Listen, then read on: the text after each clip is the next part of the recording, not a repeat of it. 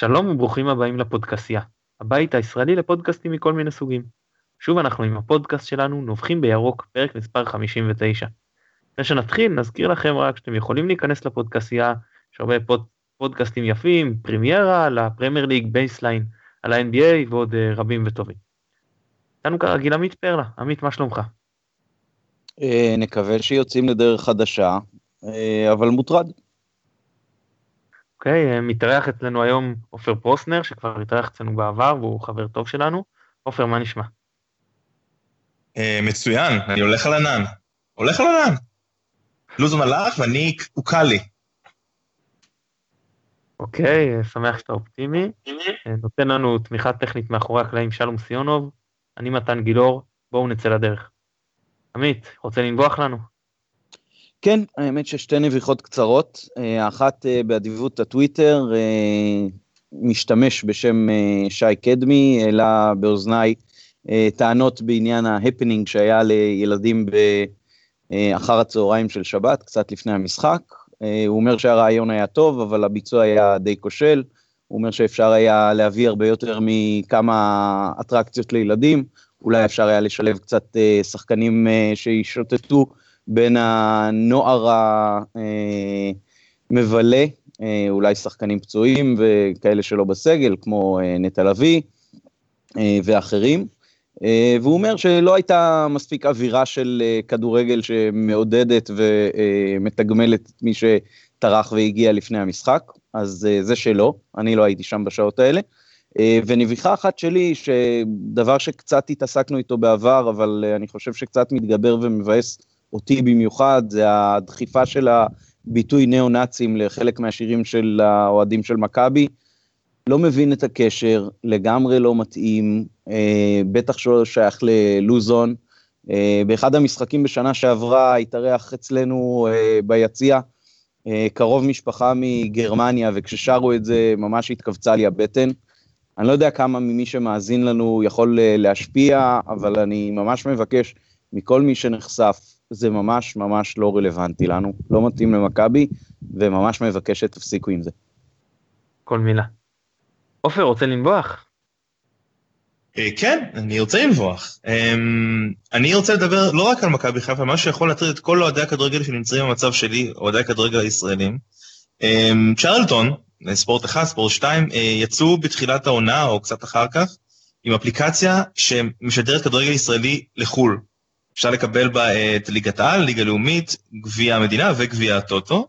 Uh, הבעיה העיקרית היא, כמו עם הרבה דברים אחרים, uh, כך נראה לי בארץ, זה המחיר. Uh, הם דורשים 27, ו-99, 27 יורו ו-99 סנט לחודש, uh, שזה יותר מ-100 שקלים בחודש. Uh, אני חושב שזה פשוט מחיר מגוחך, uh, איזושהי השוואה למוצר דומה שיש כרגע בגרמניה ובמקומות אחרים באירופה, דזון, D-A-Z-N, משדרים חלק גדול מהליגות אה, הכדורגל באירופה וענפי ספורט נוספים אמריקאים, שעולה 9.99 בלבד, אה, לא פחות שידורים. אה, אני גם יכול להיות בוודאות ש, שהעלויות של קניית זכויות הן יותר גבוהות במקומות האלה. אני לא מבין למה צריך לתמחר משהו בצורה כל כך גבוהה, ואני מקווה שאולי מישהו מצ'רלטון כן שומע אותי ויש לו איזושהי השפעה, תורידו קצת את המחיר, אה, אה, אנשים ישמחו לשלם את הכסף, אבל לא בצורה כל כך מוגזמת. נטפליס עולה 10 יורו לחודש, ספוטיפיי עולה 10 יורו לחודש, רק במדינת ישראל שירות סטרימינג עולה 28 יורו כמעט לחודש, זה פשוט מגוחך. אני רוצה להוסיף על זה שמי שנוסע לחו"ל לחופשה קצרה ורוצה במהלך החופשה לראות את הקבוצה שלו משחקת בארץ ורוצה לקנות אה, אפשרות רק למשחק אחד, נדרש לכאורה לקנות חבילה לחודש שלם, וזה כשלפני מספר שנים, כשרצית לראות אה, באינטרנט דרך וואן, יכולת לקנות אה, שידור בשקלים בודדים למשחק. זה בהחלט מצטרף לנביחה של עופר.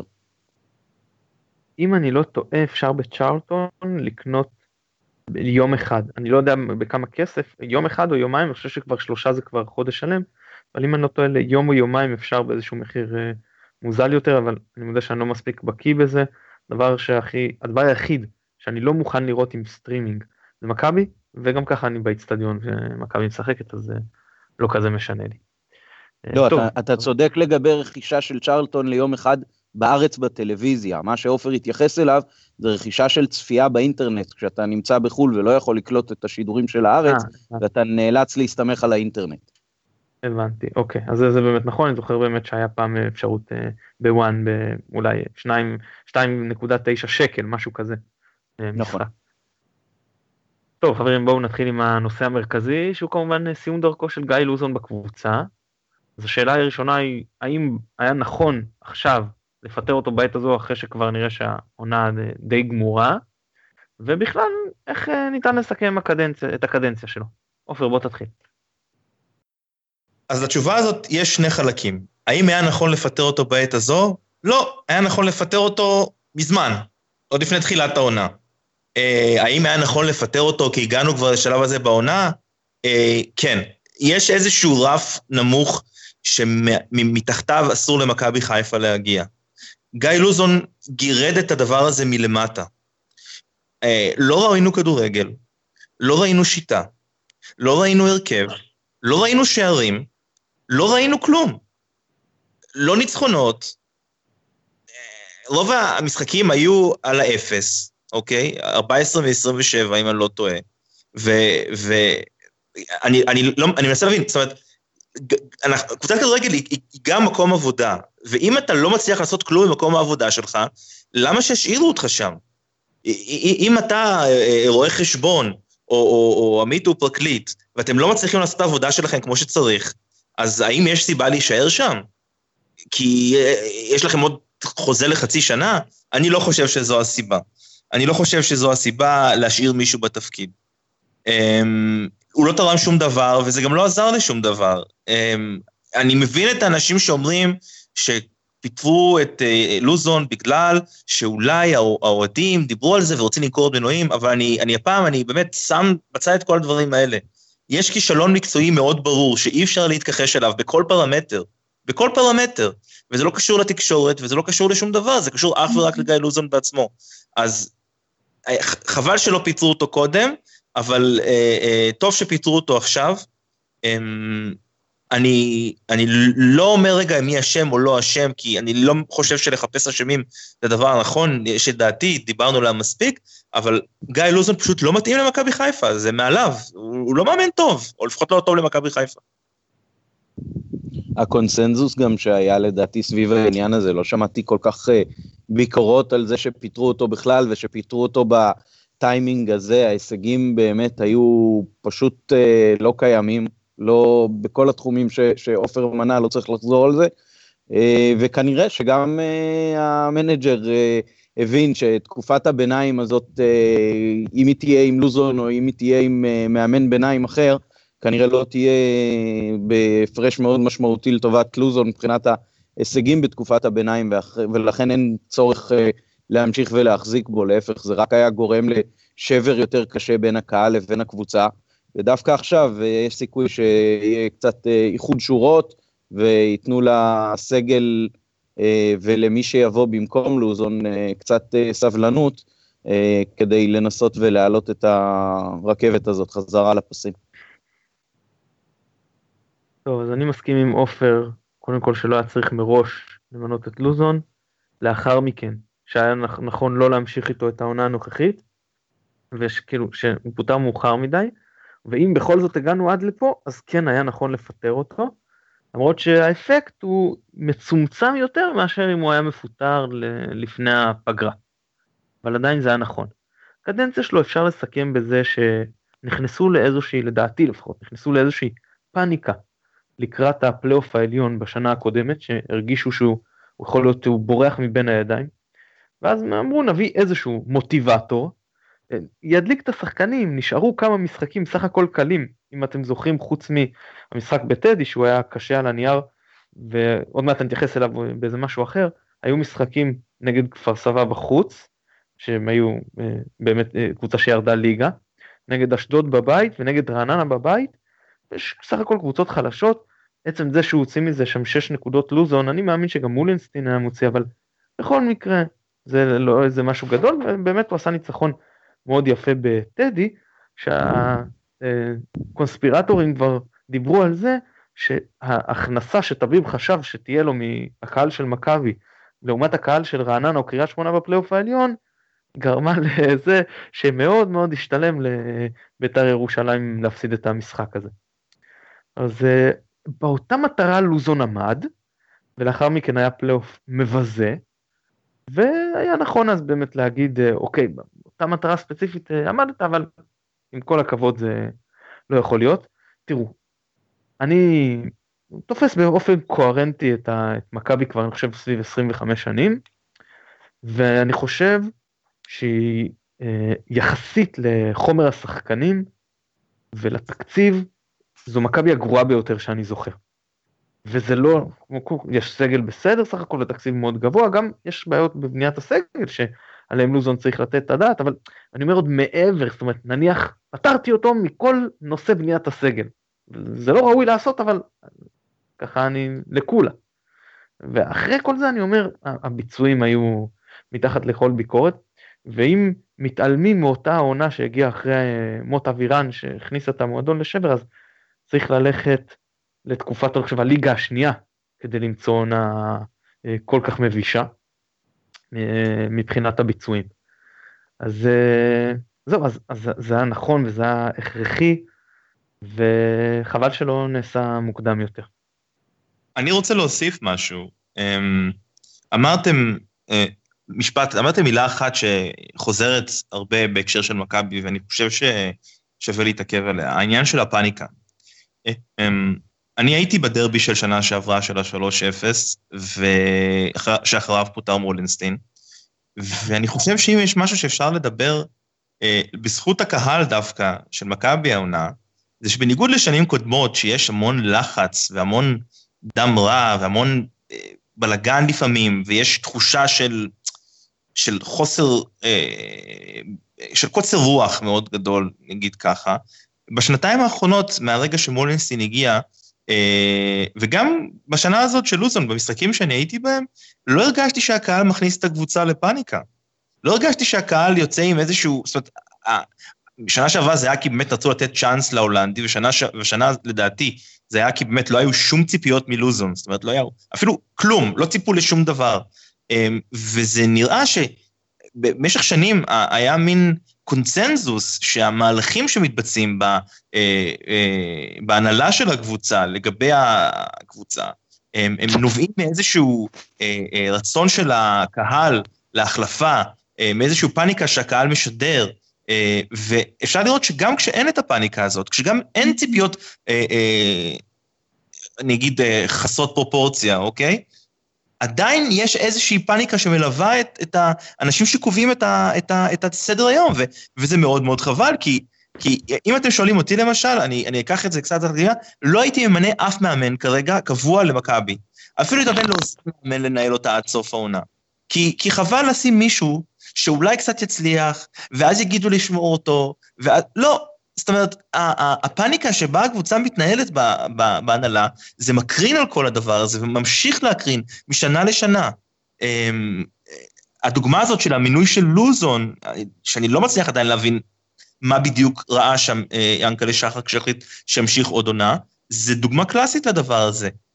אם אתה מתחיל משהו, תעשה אותו כמו שצריך, ואל תיכנס לפאניקה בגלל דברים מסוימים. שום דבר, תראה את הדרך שלך ולך עם זה עד הסוף.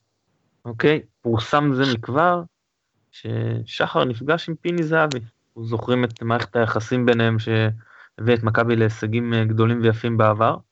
האם אפשר להסיק מאותה פגישה שלפי הדיווחים נידונו בה גם דברים מקצועיים לגבי מכבי, על זה שבעצם לא היה שום שינוי, שחר לא משחרר את השליטה, אהלך לא קיבל בו את מלוא הסמכויות, או שאי אפשר להגיע לאיזה מסקנות מרחיקות לכת מהעניין הזה.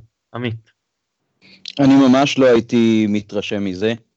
אה, אין לנו שום מושג על אה, תוכן השיחה בין פיני זהבי ויאנקלה שחר, שלפי מה שכולם יודעים, יש ביניהם אה, מערכת יחסים ארוכת שנים, וזה ממש לא נראה לי רציני לבסס על זה שהם נפגשו במקום פומבי. להפך, אם היו רוצים לעשות משהו לכאורה לא מקצועי, אז היו עושים את זה אולי במחשכים. מה אנחנו יודעים מה היה שם? אולי אהלך רוצה איזשהו מאמן ויאנקלה נפגש עם פיני בשביל לבדוק איך תופרים את זה. מה אנחנו יודעים? אני ממש חושב שזה מאוד מאוד קונספירטיבי לחשוב שדווקא הפגישה הזאת מסמלת את זה שיאנקלה יותר מעורב או פחות מעורב. אה, אני כתבתי גם היום באיזשהו מקום, אה, אנחנו בעצם לא נדע עד כמה אה, ינקלה מעורב ומתערב לאלח בעבודה שלו, עד שאלח לא ילך. כי כל עוד אלח יהיה פה, אז אני מניח שיהיה סוג של גיבוי הדדי מלא בינו לבין שחר, ואחר כך אז יכול להיות שיתוודעו לנו דברים על מה שהיה מתחת לפני השטח, כמו שקורה בדרך כלל כשיש סוג של פרדות בעולם הזה. וכל עוד אה, אין לנו אינדיקציה אמיתית לזה שאלך אה, אמר, אה, אני רוצה 1, 2, 3, ויאנקלה אמר לו, את 2 אתה מקבל, מ-1 ו-3 תשכח, אז אני חושב שזה יהיה מאוד מאוד מבוסס על שמועות ועל תיאוריות קורסה, לחשוב מה מידת המעורבות של יאנקלה. טוב, אני אגיד שאותי מאוד לא יפתיע עם הדבר שהיה פה זה, אתה יודע, זה שהם, מה בעצם אהלך מתכנן קדימה, שחקנים הוא, הוא מתכנן בחלון, אז מן הסתם שהגיוני שגם אם הוא הסמכות והוא זה שקובע, הוא בכל זאת ידווח לבוס שלו, זה, אני חושב שאף אחד לא חושב אחרת שזה צריך לקרות, ואז הוא אומר לשחר למשל, אני מתכנן, אני רוצה, חושב שצריך פה שדרוג מגן במגן שמאלי, ואז אה, שחר אומר לו, אני נפגש עם פיני זהבי. כי יש לי, כי אני חברים ונפגשים, שנדבר גם על זה, שאני אנסה לראות ש, שיביא לנו רשימות, בכל זאת הבן אדם אה, יש לו קשרים, ויכול להיות שאלח פה נתן את האוקיי שלו. וגם הדיווחים היו אגב שזה נעשה בתיאום, אגב אין לי מושג איך הם יודעים מה דובר ומה נעשה בתיאום, אבל בכל מקרה זה מה שדווח, ואני אפילו אגיד שאם זה מערכת היחסים, ואם שחר יכול להפעיל את הקשרים שהוא צבר במשך כל השנים, כדי לסייע לדרישה של אנח, אין יותר טוב מזה, כאילו, ככה מכבי צריכה להתנהל. אני אגיד, אני אגיד לכם שאני לא נכנס אה, כל כך לאתרי ספורט, אני לא לגמרי סומך על מה שכתוב שם, אני לא חושב שיש מה לקחת לכאן או לכאן. אם יש משהו אחד שאני כן מעניין אותי לדעת, אם אני זוכר נכון, פיני זהבי היה הבן אדם שהביא למכבי חיפה את אה, יגביני יעקובו. שהפך נכון. להיות סקאוט במכבי, אם קראתי נכון. אמ, אם שמעתי, ועכשיו אה, הם עדיין קשורים, אני מניח, באיזושהי צורה יגביני ופיני זהבי. אם יש משהו שאיכשהו אפשר להגיד שקשור, זה נראה לי הדבר הזה. אה, אולי, אולי, אולי, פיני ביקש מיאנקלה שיעזור ליגביני למצוא עבודה. אה, אבל, אבל גם אז, אתה יודע, זה, זה לגמרי far-reaching אה, conclusion, שאני לגמרי לא חושב שאפשר להתייחס אליה. אף אחד לא באמת יודע מה הולך בפגישות האלה, הם שני אנשים שמכירים אחד את השני המון זמן, הם חברים. אה, אולי, אני מניח שדיברו גם על מכבי חיפה, אבל לא, לא נראה לי שאפשר לקחת את זה לאיזשהו מקום. רבה. עופר, יש גורמים בקהל, אני לא יודע אם נחשפת, בעיקר זה בא לידי ביטוי ב... בפוסט של אה, אולטרה בויז ואנחנו נגענו במאבק בינם לבין הקופים הירוקים בפרק הקודם, אבל בכל מקרה אחת הטענות זה שהקופים הירוקים קיבלו לאורך השנים מימון מהנהלה של מכבי. עכשיו אף אחד אני לא יודע אם זה נכון או לא אבל בוא לרגע נניח שזה נכון האם אתה רואה בכך טעם גם איזושהי פגיעה באי תלות או שמה מה הבעיה כאילו אחלה נתנו לארגון אה, כסף הארגון נסע תפאורה זה תורם לקבוצה והכל טוב ויפה. אם זה נכון, זה בושה וחרפה. אם זה נכון, אם זה נכון, אני אומר שלוש פעמים אם זה נכון, זה, אני לא יודע מה היה, אני לא מתיימר לדעת מה היה, אה, לא ראיתי את הקבלות, כמו שאומר אה, אחד האנשים בפוסט הזה, שכן קראתי אותו, אה, אבל זה בושה וחרפה, בגלל ש... אה, תראו, אנחנו, אחד הדברים הכי חשובים שיש לאוהדים זה איזשהו אי תלות ב... ואי קשר להנהלה. אנחנו מין... אנחנו אוהדים באופן כללי, זאת אומרת, זה לא שאנחנו גוף אחד או מקשה אחת, אבל הגוף ש, ש, של, של העידוד, שמנהיג את העידוד, צריך להיות באיזשהו מקום בלתי תלוי. אמ, גם לי יש השגות לגבי דברים שונים שהם עושים, הקללות כמו שציין אותם אה, עמית, אני גם לא אוהב את השימוש גם אם לא מאוד מפריע לי באופן אישי, אבל אני לא אוהב את השימוש ה... אה, אותי, אותי הכי מפריע, אגב, לכל אוהד מכבי תל אביב יש אה, בת זונה, זה, זה קריאה מזעזעת בעיניי. אה, אני פשוט חושב שזה, באמת, שזה פשוט איום ונורא. אבל, אה, הם צריכים לשמור איזשהו, אה, אה, להיות בלתי תלויים. כי יש המון פעמים שהקהל עומד כנגד ההנהלה, אה, כמו הסיפור שהיה לך למשל, אה, אה, מתן, עם הבן שלך וה, והצבעים לציור, וכמו אלף ואחת דברים שונים שהקהל צריך להיות מול ההנהלה והנהלה מול הקהל, ויש לאנשים האלה השפעה. לאוהדים האלה. יש להם השפעה על המון המון המון דברים. כי רוב הקהל, אין מה לעשות, הוא שקט, לא ברמה של לא מעודד, אלא פשוט הוא, הוא לא, זה לא תופס את, ה, את, ה, את האנרגיות ואת ה, את הכמות הזאת של, של אנרגיות ש, שאנשים משקיעים כמו שביציע אה, הצפוני. אז הם צריכים להיות בלתי תלויים, צריכים אך ורק אה, אה, להיות אה, שופר לאינטרסים של האוהדים של מכבי חיפה. וברגע שהם קשורים להנהלה באיזושהי צורה, הם כבר לא אובייקטיביים. אה, וזאת דעתי, ואני חושב שחבל אם זה המצב. שוב, אני לא חושב שזה המצב, אני חושב שהם באמת זה בלתי, אה, זה, בלתי תלויים, אני מאוד מקווה שאני צודק. אני מבין את מה שעופר אומר, אני חושב שצריך להיות, לדעתי, הרבה פחות נחרצים בעניין הזה. אה, אני לא לגמרי יודע מה קורה במקומות אחרים, אבל אני יכול להעריך שבכל אה, מקום שבו יש אה, גוף קהל גדול, ובטח כשיש גוש מעודד משמעותי, אז הוא נהנה מאיזושהי נגישות לאוזן של המועדון, והמועדון והוא אה, מעוניינים אה, לשתף פעולה במידה כזאת או אחרת. אה, זה יכול להיות כספי וזה לא חייב להיות רק כספי, אני לא יודע אם האוהדים של דורטמונד מקבלים מימון כזה או אחר מהמועדון עצמו, ששם צריך לזכור, כמו בהרבה מקומות באירופה ובעיקר בגרמניה, לאוהדים גם יש מושבים בבורד של הקבוצות, בדירקטוריון, וההשפעה שלהם היא הרבה יותר משמעותית במובן הזה. אה, ועדיין אה, שומרים על סוג של אה, אולי אי תלות שהיא קצת שונה מאי תלות מוחלט, מוחלטת משפטית, אבל יש פה גם ראייה אובייקטיבית של מה נכון למועדון, בלי קשר לזה שאנחנו חלק ממי שזוכים לנגישות בו. כי אני לא חושב שיכול להיות מועדון שבו, תראה, למשל יש את הבמה הזאת של הקופים מתחת ליציאה הצפוני.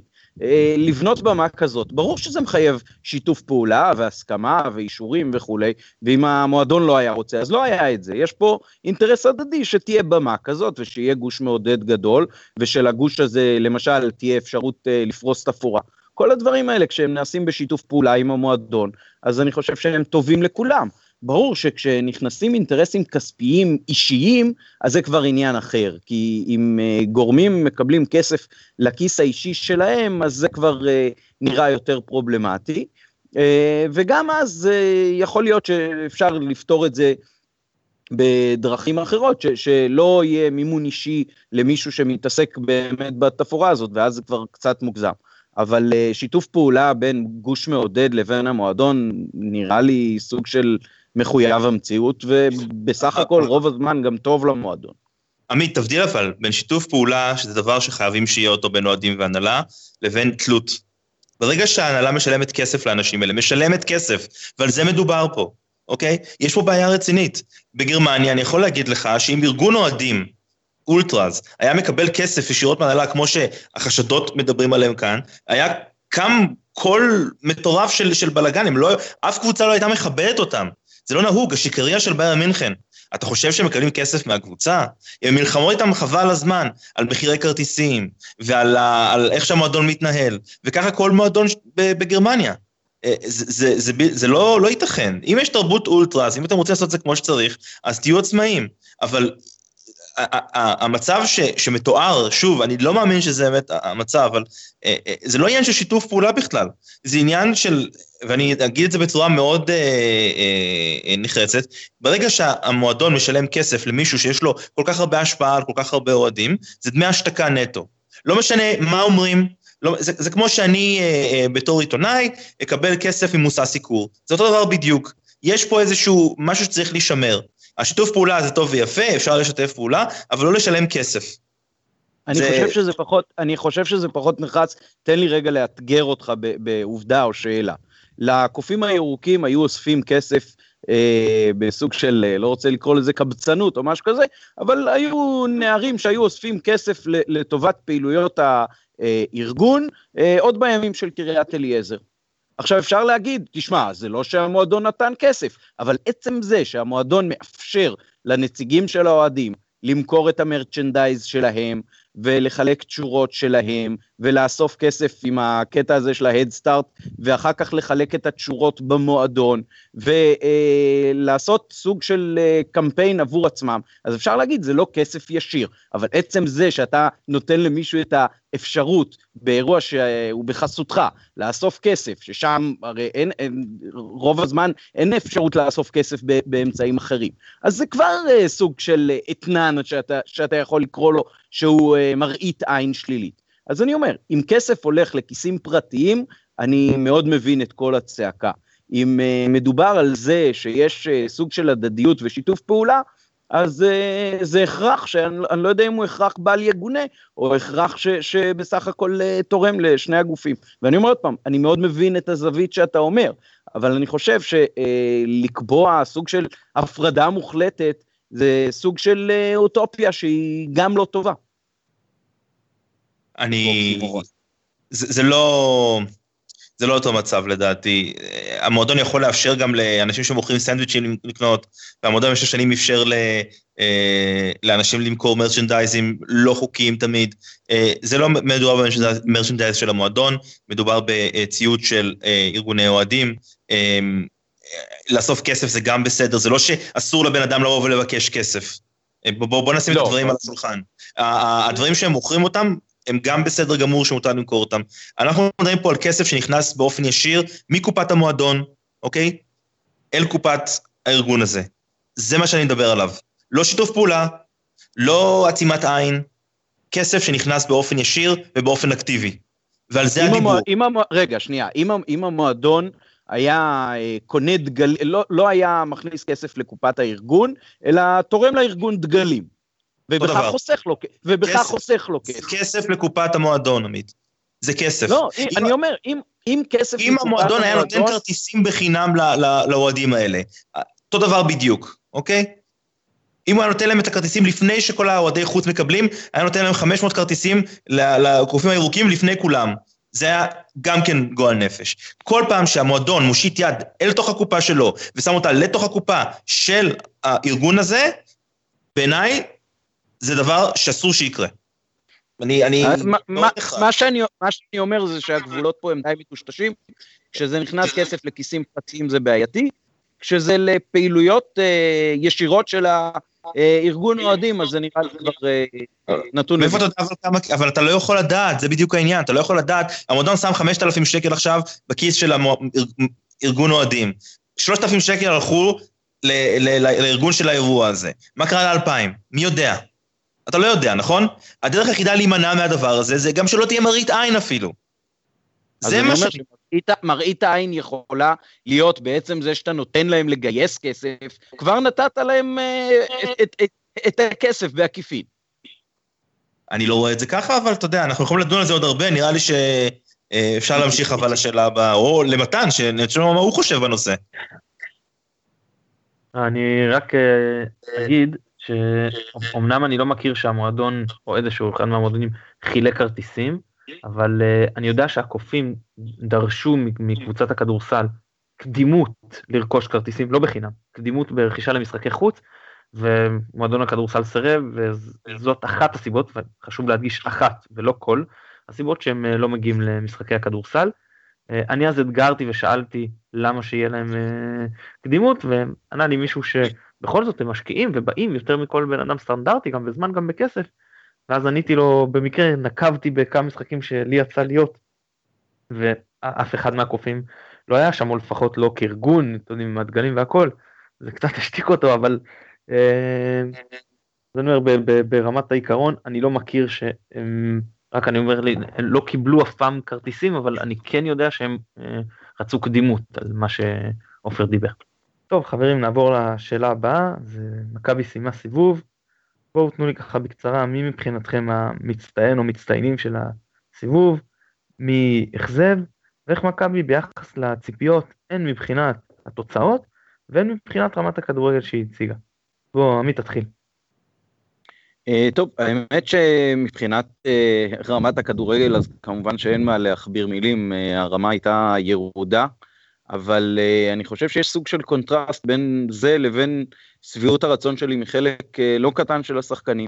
אם uh, עוברים על ההרכב, אז uh, לפחות 50% ממנו בהחלט uh, עמדו בציפיות, אבל זה היה דווקא 50% כנראה הפחות משמעותיים, והיעדר שיטת משחק והרוטציה הגבוהה ממשחק למשחק uh, מאוד מאוד חיבלו לנו באפשרות uh, להפיק משהו מהנה מהעונה הזאת.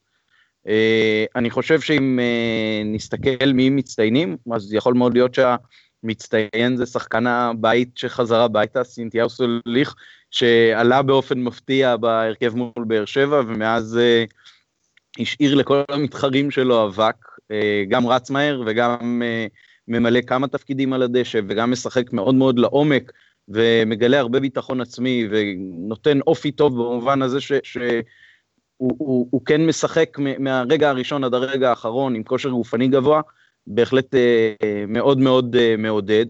יחד איתו, אם סוקרים מהגנה להתקפה, אז uh, מבוקה הוא שחקן שבהחלט יש לי שביעות רצון ממנו, גם אליסון דו סנטוס. Uh, בקישור uh, שיחק משחק אחד uh, מאוד טוב שלומי אזולאי, ולצערנו אחר כך uh, נפצע. מקווה שבוזגלו שחזר uh, ייתן לנו משהו יותר טוב בחלק השני של העונה. האכזבה הגדולה היא uh, כמובן uh, קאיו, ואולי יחד איתו גם uh, קלאוס, שני שחקנים שאמורים היו להיות אקס פקטור. אה, שניהם יחד עם גילי ורמוט בפירוש אה, גורמים לזה שאנחנו נראים רע בחלק הקדמי, שם אולי אפשר גם אה, לציין לטובה גם את קהת וגם את רוקאביצה שנראים הרבה יותר טוב מהשנה שעברה.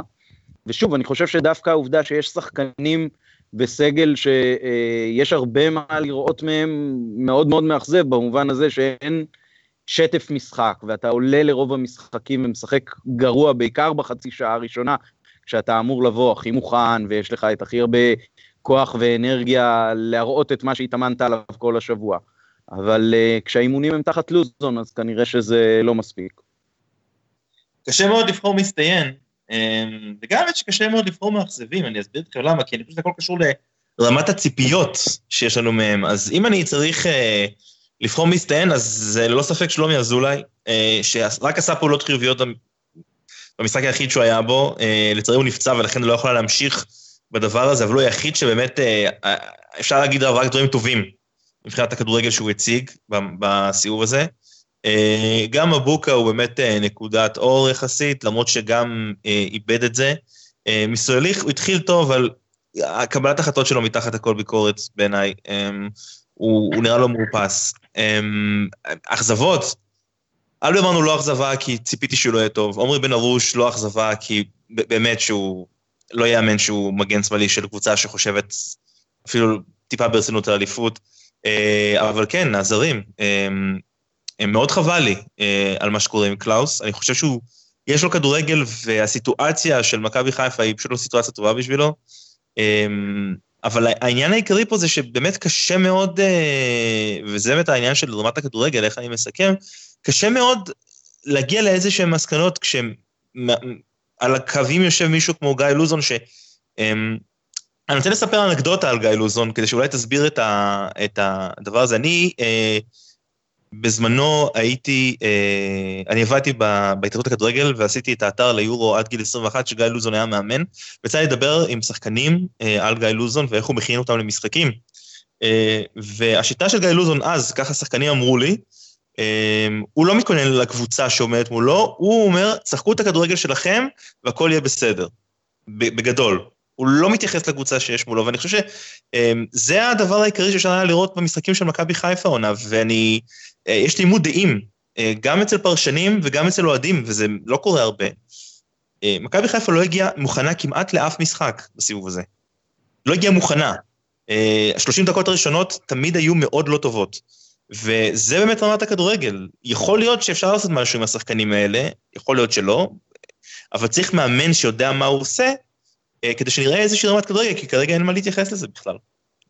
פשוט אין מה להתייחס. טוב, אז אני אגיד ככה לגבי הסיבוב. קודם נתחיל עם אה, מי שמצטיין, אז אני מצטרף לעמית לגבי סינתיאר סולליך, והסיבה אגב אה, שלדעתי הוא יחסית הצטיין, כן, אף אחד לא ממש הצטיין, אבל שהוא היה הכי בולט בצד ההתקפי, גם מבחינת מספרים, גם מבחינת אה, איך שהוא שיחק, זה שהוא שחקן שפחות צריך את הקבוצה כדי להצליח. הוא שחקן שמסוגל, מכל הסגל הוא מסוגל ליצור הכי טוב בעצמו, וכשכל הקבוצה לא מתפקדת הוא יכל להתבלט. ובצד ההגנתי אני רוצה לציין את אליסון דו סנטוס, שמאוד הפתיע אותי, הוא הרבה יותר טוב ממה שהוא במכבי פתח תקווה, לדעתי, ונכון, לאחרונה הוא קצת פחות טוב, היו כמה טעויות, אבל אה, בגדול, הוא ומאז שגם רמי גרשון אה, נכנס איתו ביחד להרכב, סך הכל השילוב הזה נראה טוב, הם אה, נראים טוב ביחד. כמו שעופר אמר, ואני לגמרי מסכים עם זה, שחקנים כמו עמרי בן ארוש, או גל אלברמן, או גילי ורמוט, אני לא מאוכזב מהם. אני לא ציפיתי שוורמוט יעלה בהרכב וייתן תוצרת אלא רק כמחליף. ואני לא ציפיתי שאלברמן יעלה בהרכב וייתן אה, תוצרת וחשבתי שהוא צריך להיות מחליף. ועמרי בן ארוש, היה ברור לי שהוא יעלה בהרכב כי אין מגן שמאלי אלטרנטיבי ברמה מספקת כנראה, אבל אה, גם אני לא מאוכזב בו כי היה ברור לי שזו הרמה. אז ממי אני כן מאוכזב? דבר ראשון מקאיו אלווס שהגיע בכל תרומה עזה ובאמת נראה חלש מאוד. ואני מאוד מאוכזב מעומר דמארי שזה שחקן שמאוד מאוד אני תופס ממנו.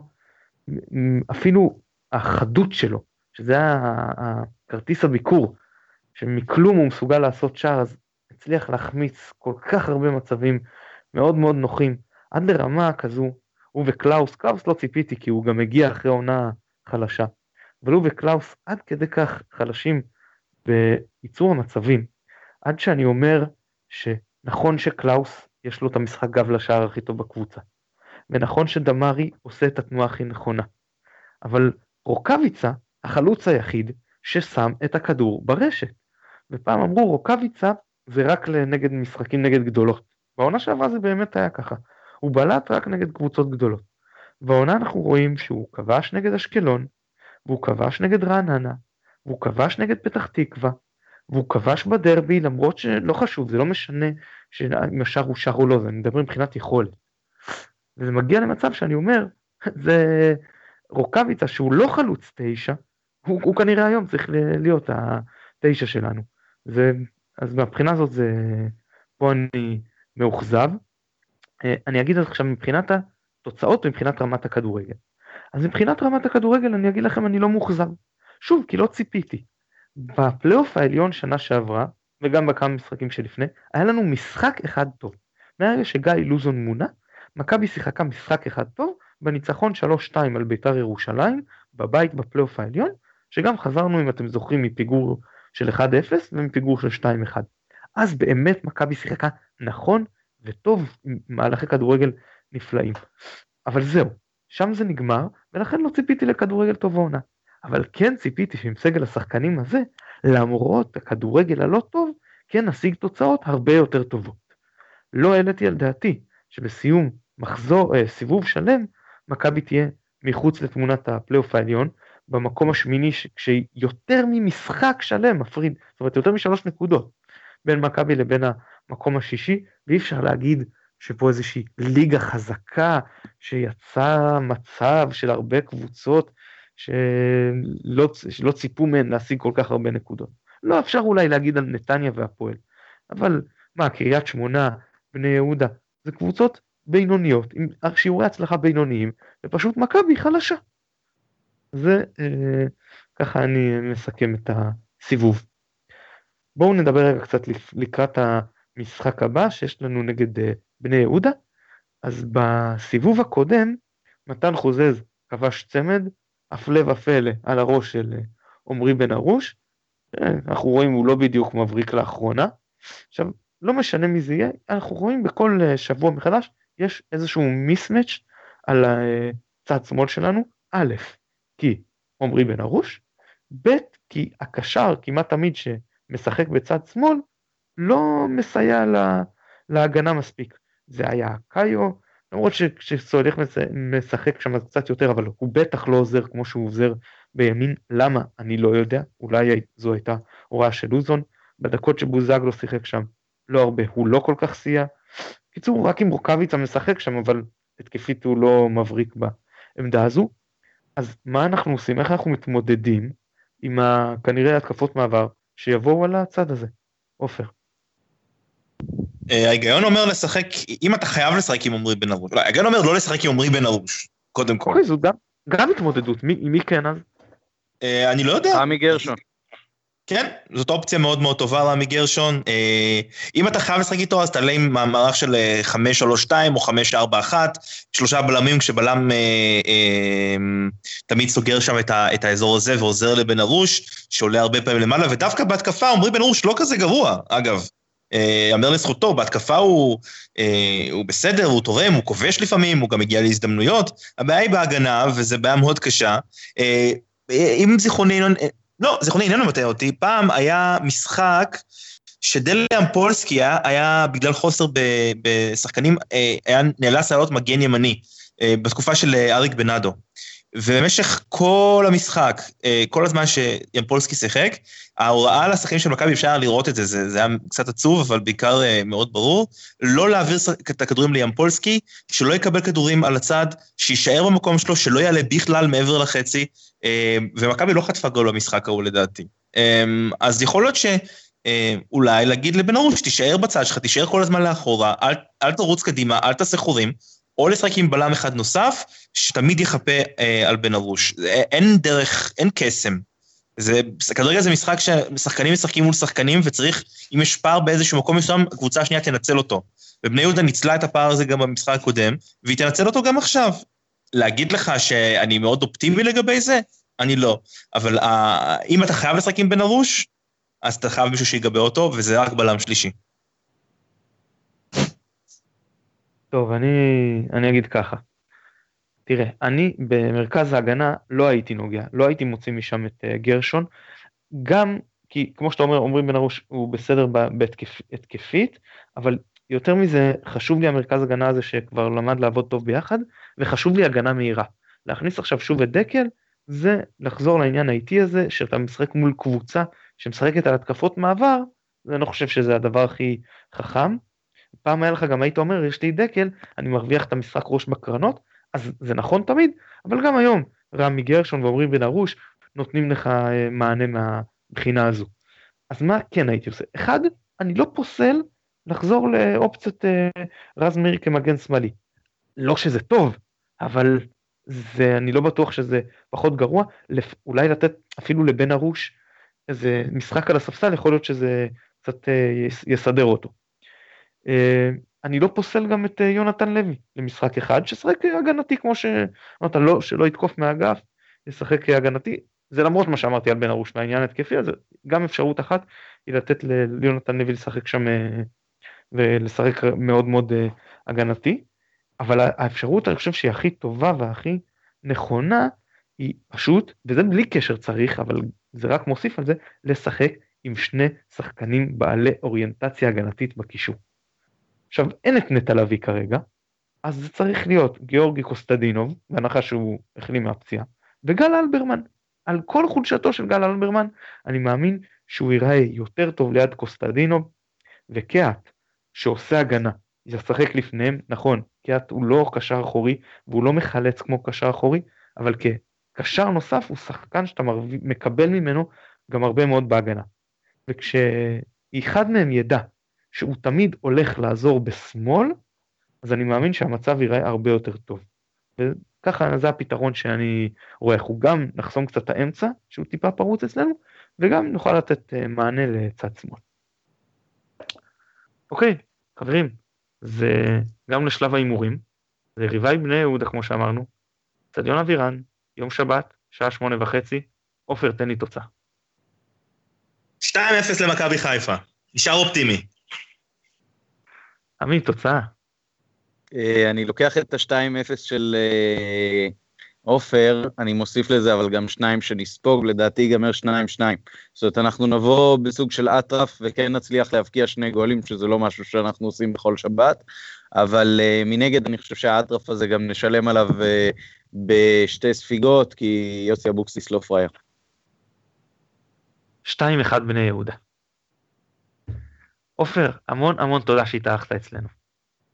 היה לי, כמו תמיד, כיף גדול. עמית, כרגיל תודה רבה, ותודה רבה גם לעופר, ונתראה אחרי ניצחונות. אנחנו נודה לשלום סיונוב שנותן לנו את התמיכה הטכנית מאחורי הקלעים. אני מתן גילאור, תודה רבה שהאזנתם, ביי ביי.